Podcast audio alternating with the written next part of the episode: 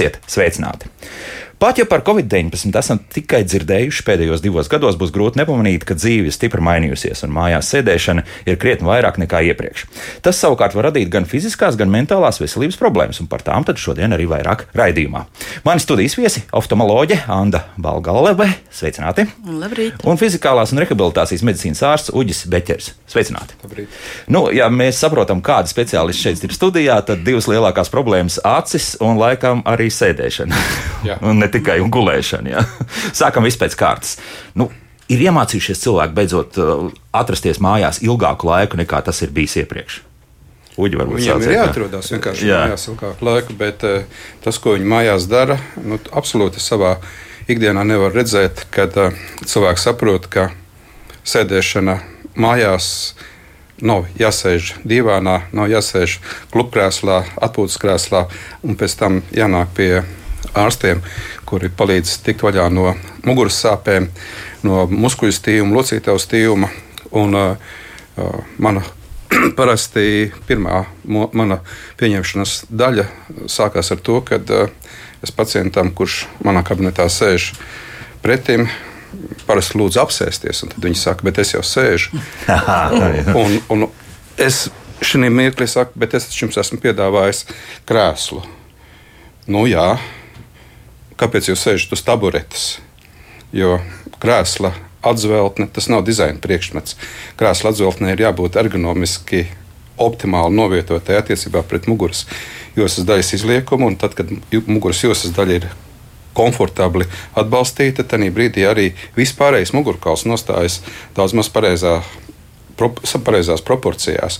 Un, uh, tas, ir, tas ir ne tikai uh, Covid laika problēma, tā ir arī ikdienas problēma. Jo ļoti bieži ieejot darba vietās, kur cilvēkiem ir biroja darbs, pie, pie datora darbs, ko mēs redzam, cilvēks sēž uz krēsla maliņas. maliņas tieši tā, sēž uz krēsla maliņas. Patīk šūpoties drusciņi, vai ne? Nu, šūpoties varbūt tā, tas ir labi, ka ir tādas kustības. Ir tomēr, jā. Aha. Bet, bet tādā brīdī, kad cilvēks saka, ka es visu dienu sēžu ar taisnu muguru, jā. tas nozīmē, ka viņš sēž visu dienu saspringti. Medicīnā mēs to saucam izometriskā darba režīmā, muskuļi saspringuši, un viņi ar laiku nogurst. Tas ir tas pats, kad mēs jums iedotu saliektā rokā noturēt uh, divu kilogramu pudeli un tur mm. teikt, uh, turiet. Nu, nu, turiet, treniņš, ja teikt, turiet, šitā, jā, jā, bet vienā jaukā brīdī šie biceps sāk sāpēt, un tad pat laikā, ja mēs tās pašas divas minūtes viņam liktu vienmērīgā tempā, Cilāt uz augšu, cilāt uz augšu, uz leju, tā pudele nebūtu tik smaga, kā turēt viņu ne, nekustīgi. Kaut kas līdzīgs notiek arī ar mūsu stājas muskuļiem. Un, un līdz ar to šis stāsts par to, ka sēdēt ar saspringušu taisnu muguru, tas nebūtu tas saprātīgākais. Bet uh, nu, cilvēki ļoti bieži sēž uz šīs maliņas un neizmanto krēslu atzveltni. Bet varbūt, jā, bet varbūt viss ir otrādi, ka mājās tieši notiek, ka tad mēs iesēžamies tajā pašā klubkrēslā, vai tas ir vēl kāds nu, cits krēsls. Sāksim ar to, ka klubkrēslā iesēsties ērti. Nav iespējams ļoti reti. Ja? Varbūt uh, ļoti gara auguma cilvēks. Jā. Tas varētu Aha ērti justies. Ļoti garu augumu mēs saprotam, ar cik? Virs 1,85 m. Virs 1,85 m, 1,90 m. Jā, jo klubkrēsla, klub, klubkrēsla galvenā problēma ir dziļa sēžama virsma. Līdz ar to cilvēks ar mazāku augumu, kuriem ir īsāks augštilps, viņš vienkārši nevar līdz galam, līdz krēsla atzotnei savu sēžamu vietu iebīdīt. Un, līdz ar to sākās tas, kad krēsla priekšmala spiežās pret uh, apakštilbu. Uh, nu, kājas sāk, kājas sāk karāties, uh, netiek līdz zemē.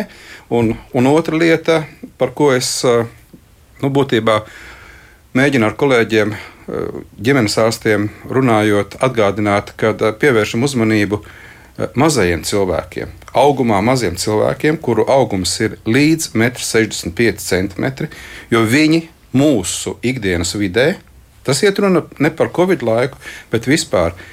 Viņi nevar justies ērti, jo absolūti lielākā daļa arī šie studijā esošie parastie krēsli, parastie krēsli jā. viņi ir pielāgoti cilvēkiem, kuri ir vidēja auguma robežās starp šiem 1,65 m, 1,85 m. Mēs varam justies ērti.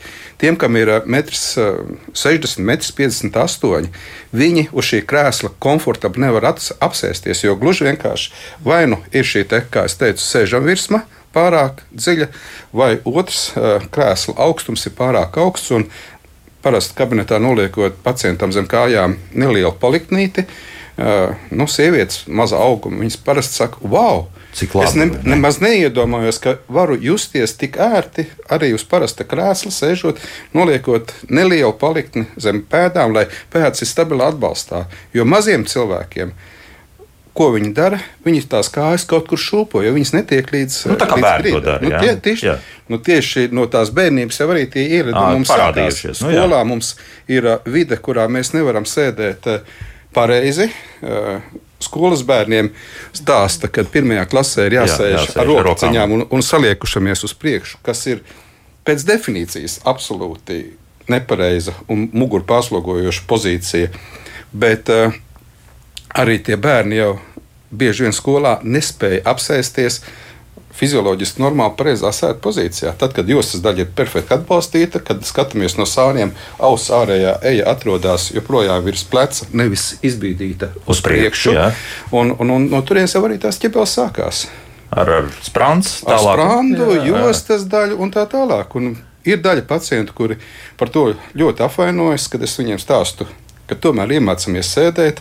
Tieši tāpat kā cilvēki dažreiz apvainojas, kad izvērtējot, viņi sāk, saku, mācīsimies elpot. Nu, ko mēs darām vismaz 20,000 reižu diennaktī, bet izrādās, ka tieši šī izmainīta elpošana dažreiz arī ir pat ķibeli nu, normālai mūsu pašsajūtai. Kāpēc tā? Tāpēc, pa maz vai pa daudz?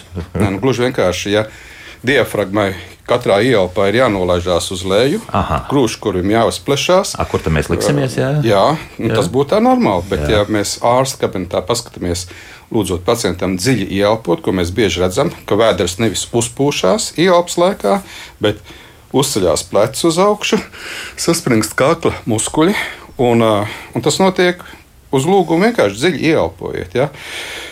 Lielākā daļa nu, fizioloģiskā elpošana ir grūši, kurus izplatās diafragma noslīd, vēders uzpūšās. Ja, tā tad savukārt paradoxālā elpošana, kad cilvēks ieelpas laikā vēders iet uz iekšu, grūši, kurus it kā ieplešās, bet lai pietiktu gaisa augšējās elpošanas pulga. Augšējie elpošanas plīgi muskuļi sāk ieslēgties šajā elpošanā, un, un būtībā uh, cilvēks sāk elpot nu, iedomājamies tā kā sprinteris, ja, kurš, kad mēs redzam, sprinterim kustās visi pleci pēc finiša, ja, jo viņš ir tajā mirklī ļoti. Savos simt metros, savu ir metros visu, iel, ielicis visu.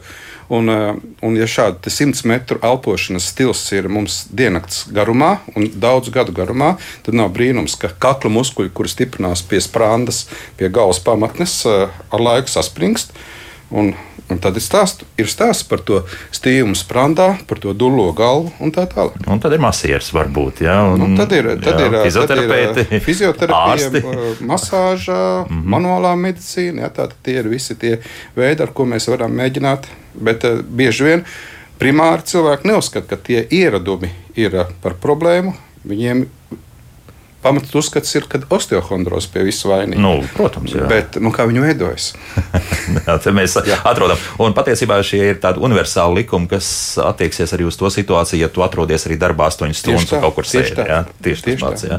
Nu, lūk, bet, lai mēs iesaistītu arī otru pusi tagad sarunā, tad uh, mēs vēl neesam pat tikuši līdz tai pareizai uh, sēžas pozīcijas izvēlei, lai skatītos vēl arī datorekrānā. Ja? Un tad, ko tad šeit? Nu, labi, tagad es saprotu, ka man ir paveicies, ka tie 1,90 90 rastīti man ir, un tas nozīmē, ka man vienmēr tās kājas būs pie zemes, un tik tālu ir labi. Bet, bet nu, pieņemsim, tomēr, ja, ja, ja nav, tad, tad liekam apakšā, nu, pieņemsim, mājās ir stepers, jā, tā, tā, tā kastīte, un tad to paliekam apakšā, pieņemsim, nu, dāmām.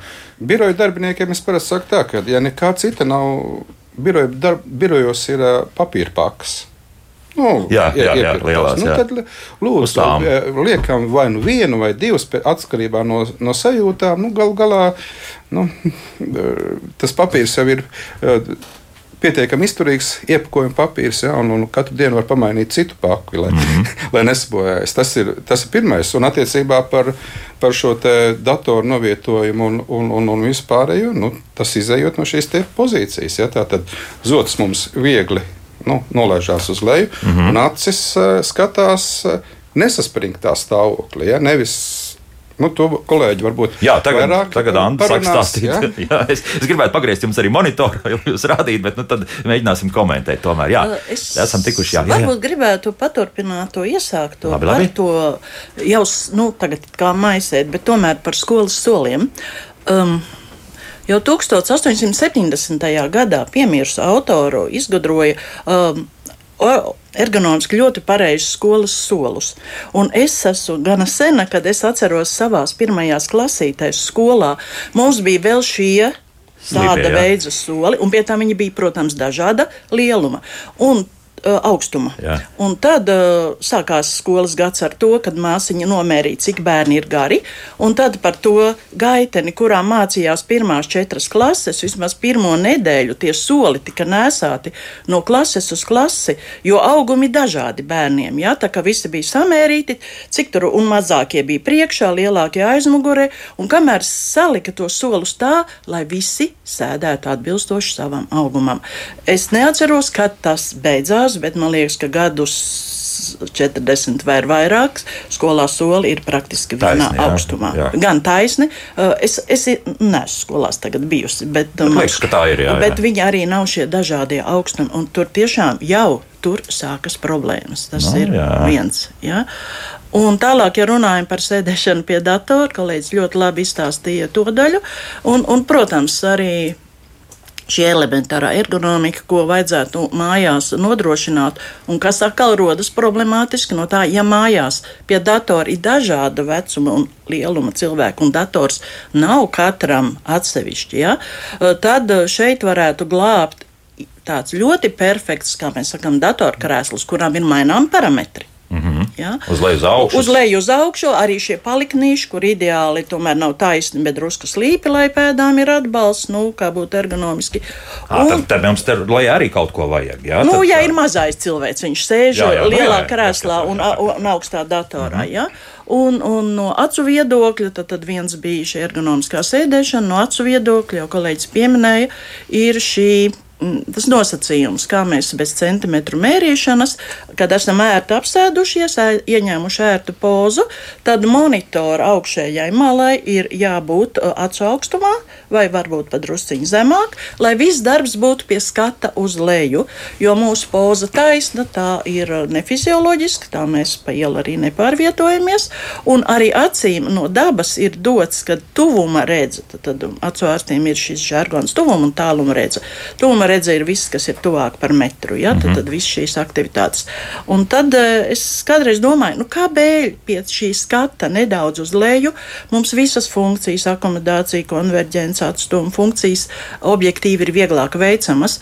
Un, nu, tāds var būt joks, ka mēs jau savā laikā netikām radīti ar grāmatu rokā, bet kas mums bija tuvumā vajadzīgs? Nu, paņemt to augli, ielikt mutē, kaut ko paskatīties, un rokas mums ir zem acīm. Tāpēc mums fizioloģiski skats ir uz leju vērsts tūmu funkcijām. Es tā domāju. Jā. Un, un tā arī vajadzētu turpināt. No, nu, labi, bet tādā gadījumā, kāpēc tad uh, ir tik liela iebilduma pret to, ka savukārt tiem, kam rokās ir uh, vietālrunis, ka tur tā, tā noliekšanās ir, kur tad ir tā robeža nu, tagad? Šeit, došu, jā, jā, šeit ir, jā. šeit ir stāsts īstenībā par to pašiem, uh, nu, par šo kakla plecu joslas biomehāniku, jo, ja mēs atkal pēc biomehānikas pētījumiem mūsu galvas, galvas kausa, smadzeņu galvas kausa smaguma centrs atrodas mazliet uz priekšu no mūsu tā saucamās gravitācijas līnijas. Ja? Un, līdz ar to tas stāsts ir par to, ka mums it kā ir ar kakla priekšējiem muskuļiem jāpavalk zots pie kakla klāt, it kā galva jāpavalk atpakaļ. Ļoti bieži to cilvēki jauc šo, šo kustību galvas atvilkšanu uz aizmuguri ar, ar galvas atliekšanu. Ja? Ar, uz augšu, ja? Nu, jā, deguna mm -hmm. pacelšanu jā, jā, uz augšu. Bet, bet tā ir šī ļoti specifiskā kustība, tā kur, kustība, kur mums nodrošina auss ārējo eju, ejas atrašanos virs pleca viduslīnijas, kas sakrīt ar nu, tā saucamā cilvēka gravitācijas līniju. Oi, kas sarežģīti šobrīd jā. tas ir. Jā, jā. Un, un te ir tas tās, kad, uh, kur mums galva atrodas, tad, kad mēs pazaudējam saprāšanu sēdes pozīcijā. Nu, kad mēs iemiegam, mums galva pendulējas uz leju. Mm -hmm, ja? Tātad gravitācijas ietekmē šis te, uh, smaguma centrs to galvu velk uz leju. Un šajā pozīcijā viņai nav jāpieliek nekāda piepūle. Jo šeit vairs kakla muskuļi vispār nestrādā, jo viņi nenotur, jo locītavas ir noslēgušās, nobloķējušās. Ja? Un šādā pozīcijā tai galvai ļoti ērti atrasties. Ja? Bet, uh, lai, lai strādātu nu, teiksim, ar to pašu datoru, mums ir jāizdara tāda neliela kustība. Zots tomēr parasti jāpaceļ uz augšu, un tad veidojas tāda šī saspringtā galvas poza. Ja? Un, un te ir tas tās, tas viduspunkts.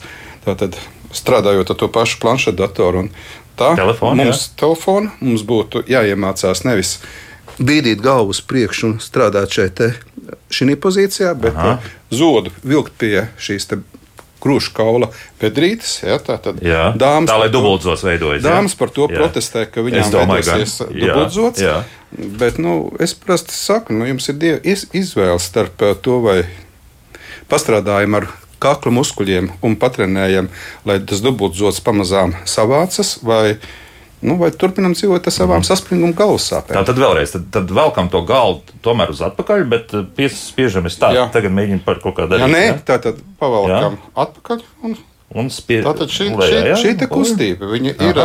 Mums, eh, mēs jūtam tādu nelielu saspringumu kakla krūšu pārējais zonā, un tas ir tas, tā, tā ir tā vieta, un tas ir tas moments, ko, ko cilvēkam ir jāmācās apzināti apgūt vai atgūt atpakaļ, jo, jo daba mūs tā ir izveidojusi. Pēc tam, kad mēs esam šajos pozās, šī pozā, gadiem tas ir ilgi. Jā, ka mēs noliekamies uz priekšu uz galdam. Jā, jā. Nu, tieši no nu, turienes jau tās ķibels veidojas, un tas arī, ko kolēģi teica, kad ļoti bieži, nu, ļoti bieži pareizi saprast. Ja? Jo bieži cilvēki saka, ka es datoru esmu novietojis nu, tā, lai datora ekrāna centrs atrodas acu līmenī. Jā. Tas nozīmē, ka viņam jau ir acis jātur visu laiku saspringt uz augšu. Mūsu acis meklē kaut ko. Mūsu acīm ir jāskatās uz horizontu vai, vai jāskatās uz leju, ja? bet nevis visu laiku saspringumā uz augšu. Nu, bet, ja sanāk, ka es tagad to monitoru vispār uzcelšu uz augšu, tā nu, skatīšos nu, tad, uz augšu, nu, tādā, tādā, tādā, tā, jā, jā, ne, nu, ar nosacījumu, ka jūs jā. būsiet uh, savu sēžamu virsmu atlaidis pilnīgi tā galva būs jā. pilnīgi atbalstījusies, jā, un tad, tad acis, acis vienalga kaut kur viņām ir šis te.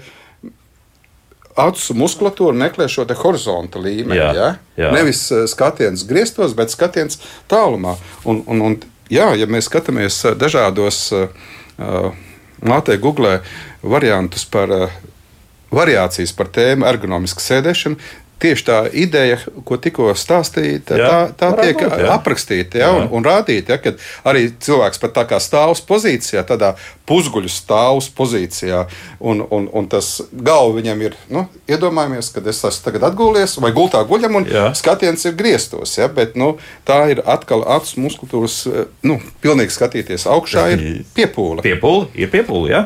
Ir, nu, jā, tad, tad, protams, uz augšu jau mēs uz debesīm paskatāmies un nolaižam atkal acis, bet ilgstoši mēs nevaram iet ar skatu uz debesīm, jo neredzēsim, kur mēs speram soli. Ja? Nu, jā. tāpēc arī tas mums nav fizioloģiski. Tomēr labāk skatīties uz leju. Jā, jā bet nu, šeit es varu papildināt par to starpību dēļ acīm. Tātad dators, planšete un, un, un telefons. Ja? Um, no acu viedokļa, protams, vislielākā slodze ir strādājot ar telefonu. Jo viņš automātiski izņemot tiem, kam sākas jau pēc 40 gadiem problēmas tūmā saskatīt sīkas detaļas, viņi slaidāk tur telefonu. Bet jaunieši un īpaši bērni eh, visi tur telefonu ļoti tuvu. Un pat mani kādreiz bijis puisis pacients, lai daugumu, un kad mēs runājam šo, nē, nē, viņš skatās tālu. Viss ir kārtībā, gandrīz divmetrīgs jauneklis skaidrs. Un, un, un pēc brīža, kad viņš tur gaida, kamēr es mammu pastos izēju ārā, uzgaidāmā telpā viņš šeit šādi. Jā, jā, un, un, jā, 15, man Merlenta mēdz būt līdz izmēru 15, jā. Viņš tā pamanīs, viņš sāk šeit un vienmēr beidz šeit. Sevišķi, Kāpēc tā? Kāpēc? Tad, tad ekrāns ir mazs. Ko dara uh, lielākā daļa, uh, kā pavada laika telefonā lielākā daļa jauno cilvēku?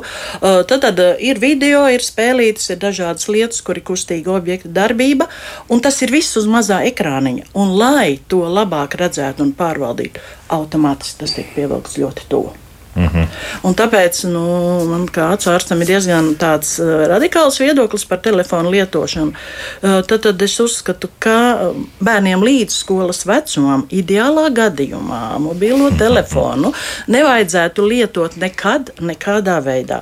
Jā, tā ir ģeniāla aukle, uh, kas momentā iestājas miers mājās. Cilvēciski tas ir saprotams, bet tā cena, kur var nākties samaksāt vēlāk par šo aukli, ir pārāk augsta.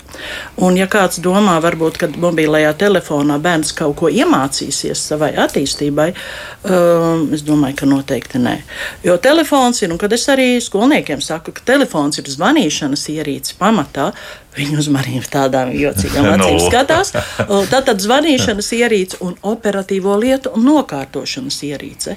Ideāla, brīnišķīgs instruments. Ja? Bet viņu mm -hmm. tā no skolas, kad tie telefoni sāk, vajadzēja, diemžēl, jābūt no pirmās klases, viņu arī tā vajadzētu gudri mācīties lietot. Mm -hmm. Telefons ir zvanīšana un operatīvo lietu nokārtošana. Es nesaku, ka tie mazie bērni nevar nevienu multfilmu skatīties vai spēlīt saprāta robežās, protams, bet vai nu uz televizora, vai nu uz uh, datora, katrā ziņā uz lielāka ekrāna un tālāk no acīm. No, Lai tas nav jā. paņemams rokās un pievelkams šeit. Nu, bet, ja tā būs planšete, jā, kurai nu, tās colas būs drusku vairāk, nu, pieņemsim, tur labi septiņu colu planšeti. Nu, ideālā gadījumā arī viņi vēl paņem šeit vai iebāž degunu, es atvainojos tajā planšetē. Tad, tomēr tas uh, dators varētu būt tāds zināms regulators, vienalga, vai tas būtu klēpdators vai vēl, vēl vairāk. Jo, jo vēl dēļ tā, kad ir daudz mājās, tad, tad arī jaunieši atzīst. Nu, vakarā nu, viņi, teiksim, tā saucamo vakara pasaciņu, jeb kārtējo seriālu gultā, ejot gultā, noskatās. Jā, jā? Un tad es jautāju, deguni, jā. kāpēc? Kāpēc telefonā? Kāpēc ne uz lielā ekrāna? Jā. Ui, tad tur ir jāceļās, jāieslēdz tas dators un jāsēž. Bet gultā tas ir daudz ērtāk. Nu jā. jā. Un tas atkal noved pie zināmām problēmām, vai ne? Jā. jā.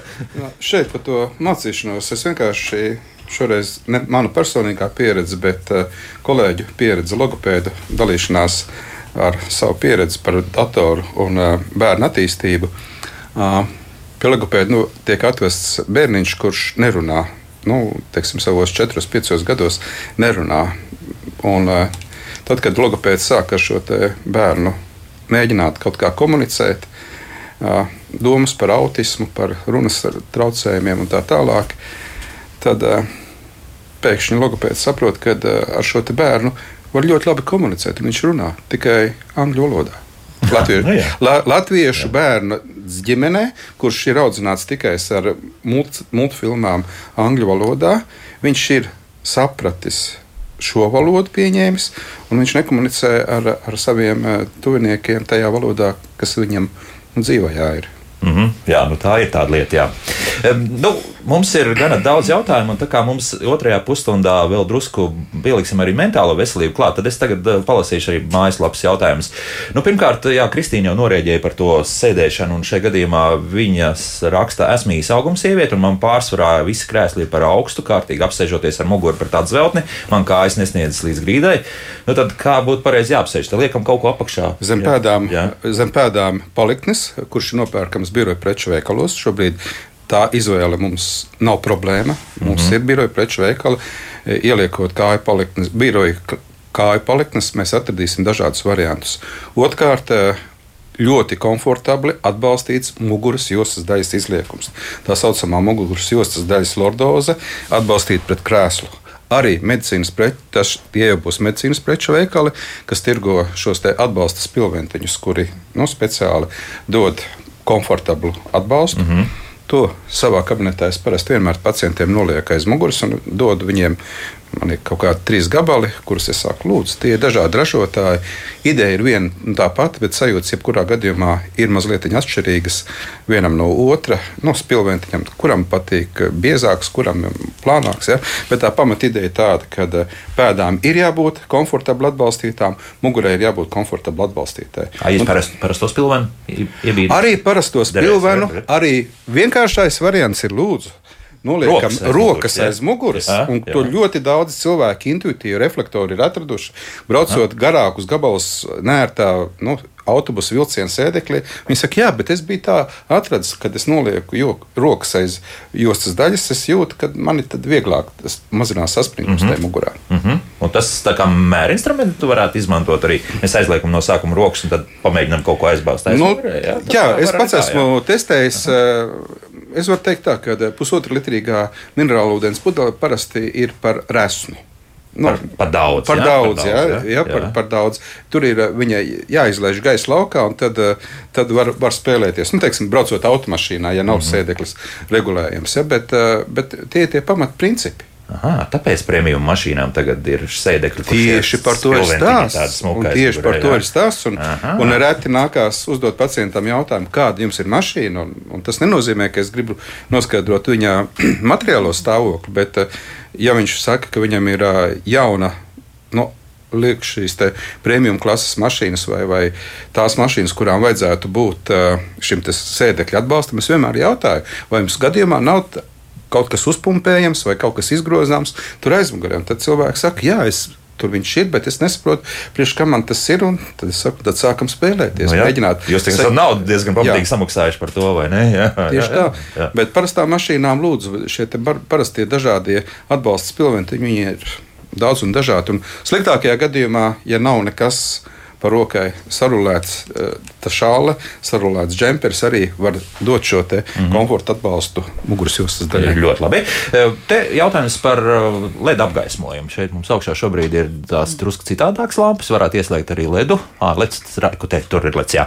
Mm, nu, jautā par to, Uldis, kā tas ietekmē šobrīd. Un mājās visdrīzākais arī jau LED gaismas ir parādījušās pietiekami daudz. Domāju, ka tādas kvēlspuldes jau tikpat kā jau ir pazudušas. Vai mums ir jāuztraucas par to šobrīd? Um. Nu, galvenais ir jāuztraucas par to, lai mēs pietiekoši daudz būtu ārpus telpām. Jo neviena no spuldzēm mākslīgā apgaismojuma nesatur pilna spektra gaismu. Mm. Absolūti neviena. Un, tāpēc tas minimums, veselīgas izdzīvošanas minimums būtu vismaz divas stundas dienā ārpus telpām. Jo pat apmākšās diena, kāda ir šodien, tur ir šis pilnais spektrs, kas mums ir vitāli vajadzīgs visām ķermeņa hormonu funkcijām. Ja par gaismas stiprumu, un, ja gadījumā arī par datoru kopā, tad ir svarīgi pirmkārt nestrādāt pilnā tumsā, kad ir tikai monitors, un otrkārt, ja ir apgaismota telpa, tad gaismai no uh, ārpuses, no augšpuses, teiksim, ir jābūt mazākai nekā no datora ekrāna. Un to ir vienkārši bez visādām ierīcēm mērot, pielikt roku tā kā nadziņu pie pieres. Un, ja mums ir komfortablāk skatīties tajā brīdī uz monitoru, tad mums ir gaismas augšā pa daudz. Mm -hmm. Tas nozīmē, ka vislabākais būtu kāda blakus stāvlampa, kur varētu regulēt.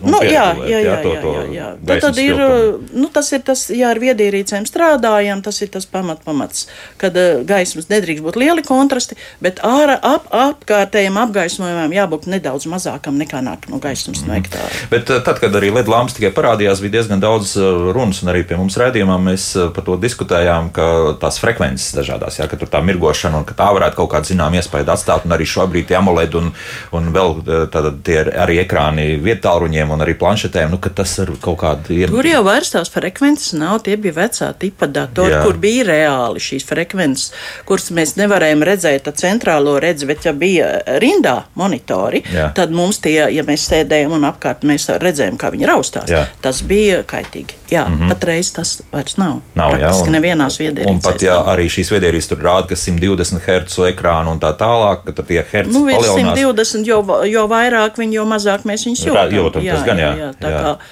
pie 120 zem drusciņu mēs sākam jau just. Mm -hmm. Jā, tad šeit vēl jautājums par to, à, par sēdēšanu, ērtu sēdēšanu, pārliekot kāju pār kāju. Vienalga labo vai kreiso, kreiso vai labo. Nu, jā. mans ieteikums būtu, ja tas nav nekāds grēks, bet atcerieties, ka uh, vajadzētu mainīt šīs kājas. Tātad gan labo, gan kreiso.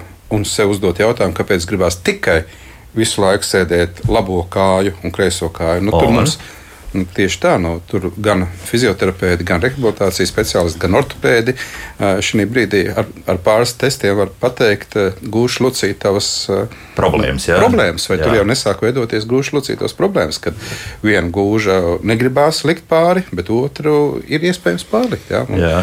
Un, un tā jau ir. Tā jau ir Arī tāds signāliņš jau ir. Tas, tas ir neliels signāls. It sevišķi šajā situācijā, ja mēs saprotam paši subjektīvi, kad uh, labo kāju es varu ļoti viegli pārlikt un tā sēdēt, bet eh, kreiso kāju man nepatīk likt. Tātad tas nozīmē, ka kreisajā pusē eh, kaut kas sāk eh, mazliet mainīties. Un tas nav atkarīgs no tā, vai tu esi labrocis vai krēlis, ka no nu, arī nē, tās vadošās nē, kājas, pieņemsim, sportā mēs zinām, nu, ka leca tad nu, parasti ar pretējo kāju. Neviens ortopēds vēl nav pateicis, kāpēc cilvēkam veidās gūšlocītājs vai ceļlocītājs osteoartrīts. Tas var veidoties uh, aktīvam sportistam. Un, un tur, tur mēs varam teikt, ka tā ir nu, vienkārši pārslodzes nolietošanās problēma. Un, bet, eh, diemžēl šī problēma veidojas arī nu, teiksim, biroja darbiniekam, kurš mm -hmm. nekad nav dzīvē skrējis vai pēdējo reizi skrējis ir 11. klasē 100 metru vai 1 km krosiņu. Ja, un visu pārējo laiku ir normāli, nekas nav pārslogots, bet nu, viena gūža sāk bojāties. Tā ir ģenētika. Mm -hmm. Bet tā, ka sēdēt tā, nu,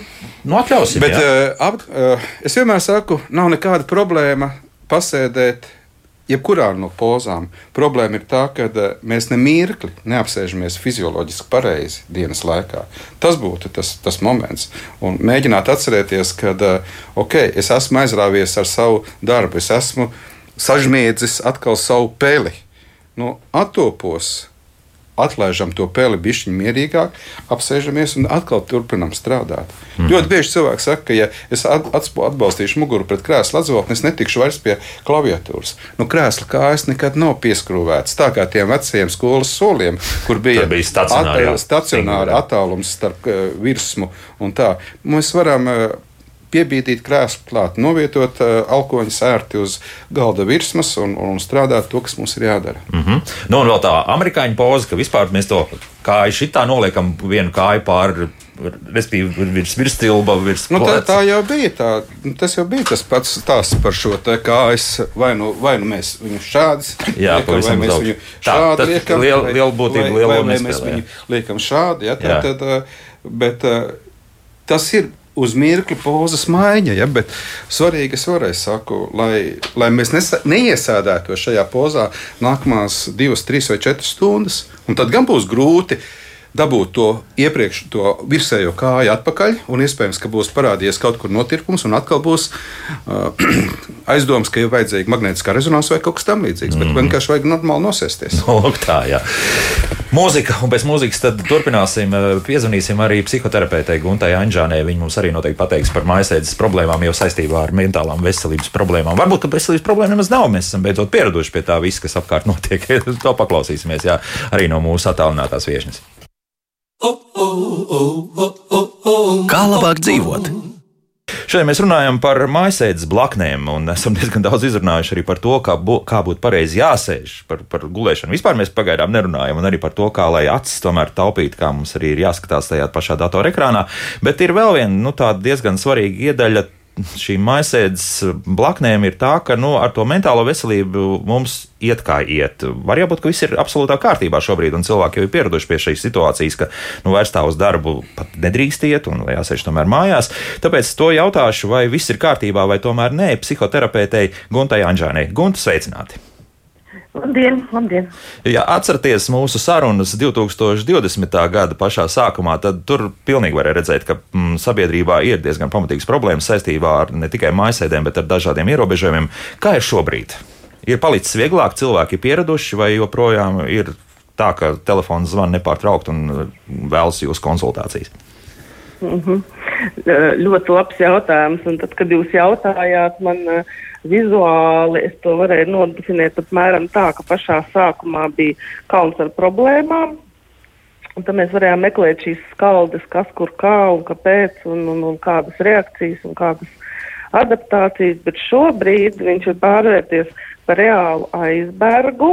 Un, kā mēs zinām, aizbergam ir ļoti maza daļa redzamā un ļoti liela neredzamā daļa. Un šobrīd gribētos teikt, ka mentālās veselības, psihiskās veselības uh, būtība un fakts ir tāds, ka mēs esam tiešām tā kā iedzīvojušies tādā aizbergā, kur varbūt uz pirmo uh, skatienu, pirmo uh, atstādu uh, redzējumu šķiet, ka nu, tur agresija pieaug vai neapmierinātība, vai taisno otrādi. Cilvēki kā izolējas, kā negrib tikties, kā mazāk runā. Varētu šķist, ka nu, sapratuši, pielāgojušies un it kā teori nu, tādu uh, problēmu nav, bet uh, taisni otrādi. Šīs uh, problēmas tiek vairāk vai mazāk noliektas, atšķeltas. Uh, Uh, nu, latviešu valodā runājot, cilvēku valodā runājot, sabāstas iekšā, kas parādās psihosomātiskajās lietās, kas parādās attiecību uh, sarežģījumos, kas parādās uh, bērniem konkrēti jau uh, psihiskās veselības uh, pasliktināšanās dēļ. Un uh, te es gribētu pateikt uh, paldies saviem kolēģiem um, par, uh, par divām lietām, ko es sadzirdēju arī uh, savā uh, lauciņā. Viena bija no tā, ko dr. Beķers teica, kad uh, cilvēki vaino slimību ja, un izvairās no ieradumiem, jo ieradumi uh, taču nav problēma. Un otra lieta, kad dr. Baltgala teica, ka uh, telefoni uh, un datori nav bērnu aukļi un par to būs dārgi jāmaksā. Jā, jā. Tā kā nu, problēmas, es varētu teikt, ir, ir vairāk, viņas ir dziļākas, sarežģītākas, bet viņas nekur nav palikušas. Nekur nav palikušas. Tagad es, es gribētu tieši jautāt par to psihosomātiku, proti, un tagad es iesaistīšu arī mūsu studijas viesus eh, šai sarunā. Nu, varbūt tā izpausties, ka visas šīs problēmas izlien pēkšņi redz kļūst sliktāka vai, vai muguras sāk sāpēt. Nu, tā var būt. Jā, nu, viens no tādām lietām, kurām es esmu daudz domājis un strādājis, ir tā saucamā astenopija. Jeb tās ir jebkuras sūdzības, kuras saistās ar acu slodzi vai lietošanu. Ja? Un, un te ir tas paradoks, ja, kad cilvēks sūdzas, tad viņam grauž, tad tur nogurs, tad tur saspringts, tad tur kas. Viņš atnāk uz pārbaudi, un es nevaru atrast pilnīgi nekādus traucējumus. Viņš ideāli redz. Pat reizēm ir visas funkcijas redzes kārtībā, bet ir izteikti daudz sūdzību. Ja? Un viņš neizdomā tās sūdzības. Tās ir, un tās jau ir no vispārējās psiholoģiskās vai slodzes, mm. un tā varētu būt viena no tieši psihosomatikas. Jā, tā ir beķeri. Jā. Jēdziens par psihosomatiku vienmēr ir pietiekami diskutabls, jo nu, pirmkārt. Eh, viena daļa kolēģi saka, ka visas problēmas sākoties tikai no galvas. Ja? Nu, tādēt, bet, uh, es esmu, jā, doktor, jā. jā, jā, jā. bet, uh, bet es esmu tas doktors, kurš parasti atļaujās teikt, ka dažām problēmām ir arī tīri elementāri fiziski iemesli. Ja? Jā. Vienkārši, vienkārši moments. Nu, akmens graudiņš, akmens skurpē nu, tās ir sāpes. Ja? Un, uh, mēs varam teikt, ka, uh, nu, ko tu iedomājies, kas tev sāp. Bet, nu, kamēr tu neizņemsi to akmentiņu laukā no kurpes, tikmēr tev sāpēs. Izņemot akmentiņu no kurpes laukā, sāpes pāries. Un ļoti bieži šīs kaitas, kuras sauc, saucam par psihosomatiku, tiek palaistas kā psihosomatiskas kaitas, bet ignorējot biomehāniku. Es nesaku, ka uh, biomehānika ir pār psihosomatiku. Es atļaujos teikt tā, ka pārliecinamies, ka tā nav biomehāniskas ķibeles. Tātad, eh, ko nozīmē biomehānika? Saīsināti muskuļi, saspringuši muskuļi, eh, fiksētas mazās mugurkaula locītavas, krustu kaula, zarnu kaula locītava, nobloķēšanās, maskustīgums, kas pamazām velk līdzi muskuļu saspringumu. Un trakākais ir tas, ka šīm sūdzībām cilvēkiem parasti nav nevienā no objektīviem izmeklējumiem. Mēs neko nevaram redzēt. To mēs varam redzēt tikai kustību testos ieraudzīt. Un, eh, un tad sākās šī diskusija. Man ir iztaisīti izmeklējumi, magnetiskā rezonanses, datortomogrāfija, rengenogrāfija, ultrasonogrāfija. Neko neatrada, analīzēs, viss ir kārtībā. Nu, izrādās, ka uh, vajadzēja vai nu iemācīt izstiept vienu muskuli vai ko. Uh, pirms, ja arī mēs sakām, ka nu, patiešām jūs esat pavisam vesels, tad droši vien, kad ir šī runa par psihosomatiku. Mm -hmm. Smagajos, Tikai pēc tam, ja? Smagos gadījumos, smagos gadījumos, diemžēl cilvēki, kuriem ir smaga psihosomatika, viņi absolūti to nepieņem. Cilvēks tiklīdz eh, viņam dod ieteikumu. Varbūt, ka tomēr sazināties ar psihoterapeitu, psihiatru vai ko Man tas sāp. Es, Jā. jūs domājat, ka es esmu traks, un, un tā ir īstenībā viena no, smagākajām, viena no smagākajām situācijām, kad mēs runājam tieši par šīm psihosomatiskajām lietām. Mm -hmm. Jo ir, ir arī man praksē gadījušās situācijas, kad es lūdzu kolēģu. Kolēģi palīdzību tieši no psihosomatiskās medicīnas padomu, kā tālāk rīkoties tālāk. tālāk jā, jā. Jo ir pilnīgi skaidrs, ka uh, cilvēkam ir ļoti daudz sajūtu, uh, un, eh, un cilvēks visu projicē kā stipras sāpes, un tad pat laikā redzot, kā viņš komunicē ar saviem tuviniekiem, kuri viņu pavada pie ārsta. Ja, ir pilnīgi skaidrs, ka šeit ir vajadzīga psihiatra, psihoterapeita palīdzība, bet uh, uh, tiklīdz cilvēkam tiek tas piedāvāts, kļūsti par viņa ienaidnieku. Nu, tas ir pilnīgi skaidrs. Jā, Gunte, jūs dzirdējāt. Jā, tad, tad, principā, vēl joprojām tā pirmā fāze, jā, nolieguma fāze, un tālāk mēs netiekam tam pāri. Jā, jā es, es piekrītu, jo arī eh, nostrā, strādāju Bērnu klīniskā universitātes slimnīcā eh, ilgus gadus. Uh, tieši tas arī ir, kad varbūt, kad es uz pirmo ievācot banamnēzi, iepazīstoties ar pacientu, ar viņu sūdzībām, ikdienu, ar, ar ģimenes stāvokli attiecībām, es uzreiz varu pateikt, ka tur ir tā psihosomātika. Tie, nu, tā ir problēma mentāla, bet uh, mēs visi tomēr esam vairāk vai mazāk pieraduši pie tādas nu, tā fiksēta fakta. Tā somātiskā medicīna, tāda ķermenis, roka, kāja, vispārējais tur, kur mēs varam izmērīt un parādīt, ka šeit ir problēma, cilvēkam ir vieglāk, viņš ir atvieglots, viņš ir atradis problēmu, un to var risināt. Un tādos gadījumos viņi ar lielu entuziasmu risina to somātisko problēmu, bet vienmēr apakšā būs emocionālās kaut kādas problēmas, bet tajā brīdī viņas nostājās otrajā plānā. Un tās tad ir vienalga jārisina kopā, tā kā tādā multidisciplinārajā komandā. Uh, savukārt, abos gadījumos, ko kolēģi minēja, kad izmeklējumi ir veikti un, uh, un uh, tās atrades objektīvās nav. Un kā tad rīkoties? Protams, kad ir jāvedina domāt par to, kad ir jāsakārto uh, mentālā veselība, psihiskā veselība, attiecības un tā tālāk. Un cilvēku reakcijas, nu, diemžēl man ir jāpiekrīt doktoram Beķerim, kad uh, viņas ir dažādas, un vairums gadījumu tiešām cilvēki apvainojās. Mm -hmm. Jā. Bet, nu, un laikam tas ir. Vajadzētu pamācīties, kā to, nu, kā to izdarīt tā, lai ka mums, ka mēs viņiem nododam ziņu, ka mums ir par viņiem rūpe un ka mēs zinām uh, veidu, kā to risināt. Bet uh, tad uh, tas ieteikums būtu tāds, ja, ja tiešām speciālisti nu, tā tīri fiziskas skaitas neatrod. Es tā vienkārši runāju, tad uh, tomēr tas ieteikums būtu, nu, mēģināt uh, sazināties vienalga, vai tas būtu psihoterapeits, varbūt pat psihologs sākt uz sliktākā gadījumā, un tad tālāk jau pa ķēdīt. Ja? Nu, tomēr tādā veidā. Nu, galējā gadījumā, bet mm -hmm. kā, kā, kā man patīk teikt, katrs sevi mīlošs un inteliģents cilvēks iegādājās uh, uh, zobārstu, juristu un psihoterapeitu savējos. Lai to dzīve laimīga. Ladies and gentlemen komplekts, jā. nu, nu, labi, labi, labi, labi. Tā, nu, pavisam laiku mums maz ir palicis, tāpēc uh, arī lasīšu tas, kas mājaslapā šobrīd ir, uh, tiek jautāts, uh, joprojām nu, tomēr par to gulēšanu. Redz, nu, kādam mūsu radioklausītājiem patīk gulēt un strādāt ar datoru un nejūt absolūti nekādas problēmas. Atļausim viņam to darīt. Nu, kā tas ir? Nu, jā, nav problēmu. Un nākamos pāris gadus problēmas neattīstīsies. Problēmas nav jau jāizdomā. No, jā. problēmas. Mēs jau ārsti esam tie, kuri eh, risina problēmas. Un tajā brīdī, kad mēs ievācam to informāciju, kādā veidā cilvēks strādā, ko viņš dara, kā viņš jūtas, ja, eh, tas jau ir arī tā atbilde. Bet, ja tieši to, ko mēs pārtraukumā šodien runājām. Ja cilvēks jūtas komfortabli, guļu stāvoklī visu laiku, strādājot gultā, un nekas viņam nesāp, nu, viņam nav par ko uztraukties. Ārsta mm. palīdzība viņam nebūs vajadzīga. Jā, labi, Tikai brīdinājums viens.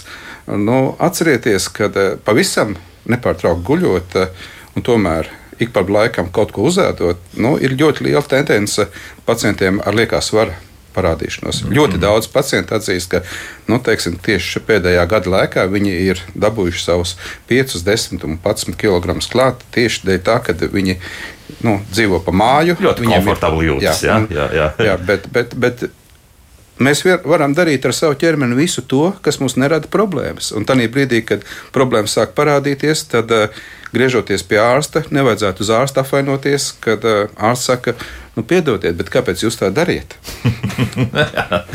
tad atkal vai nu ir kauns, nu, vai nu tad ir dusmas. Klasiskais ja? jautājums pirms uh, Rīgas maratona. Doktor, man sāp ceļš. Kad jums sāp ceļš? Nu, apmēram 18. vai 23. kilometrā. Mm -hmm. Ko jūs tur meklējat? Nu, es gatavojos maratonam. Bet varbūt pietiek ar desmit km noskriešanu. Jūs ko nu, labi. Jā, un, kāpēc mēs visi nedējojam uz uh, baleta skatuves? nu, retorisks jautājums. Jā. Anda, gulēšana un, un, un, un redzē. Nu, un strādāšana, vai nestrādāšana, vai skatīšanās ar datoru. Nu, ja tas ir pieaugušs cilvēks, un tiešām, kā teica kolēģis, kad viņam nav nekādu sūdzību, nu, tā ir viņa izvēle. Bet tomēr, ja tas ir bērns un skolnieks, es gribētu teikt, ka šajā vecumā vajadzētu mācīties pareizus ieradumus, kā lietot šīs mm. ierīces. Mm -hmm. Gunta, savukārt, es jautāšu, ilga gulēšana nerāda arī kaut kādas zināmas problēmas, neparāda. Nu, es te necelšos, un man ir tepat ir labi un vispārējais. Nav tā? Jā, jā nu, arī daudzslaņēns jautājums. Ja?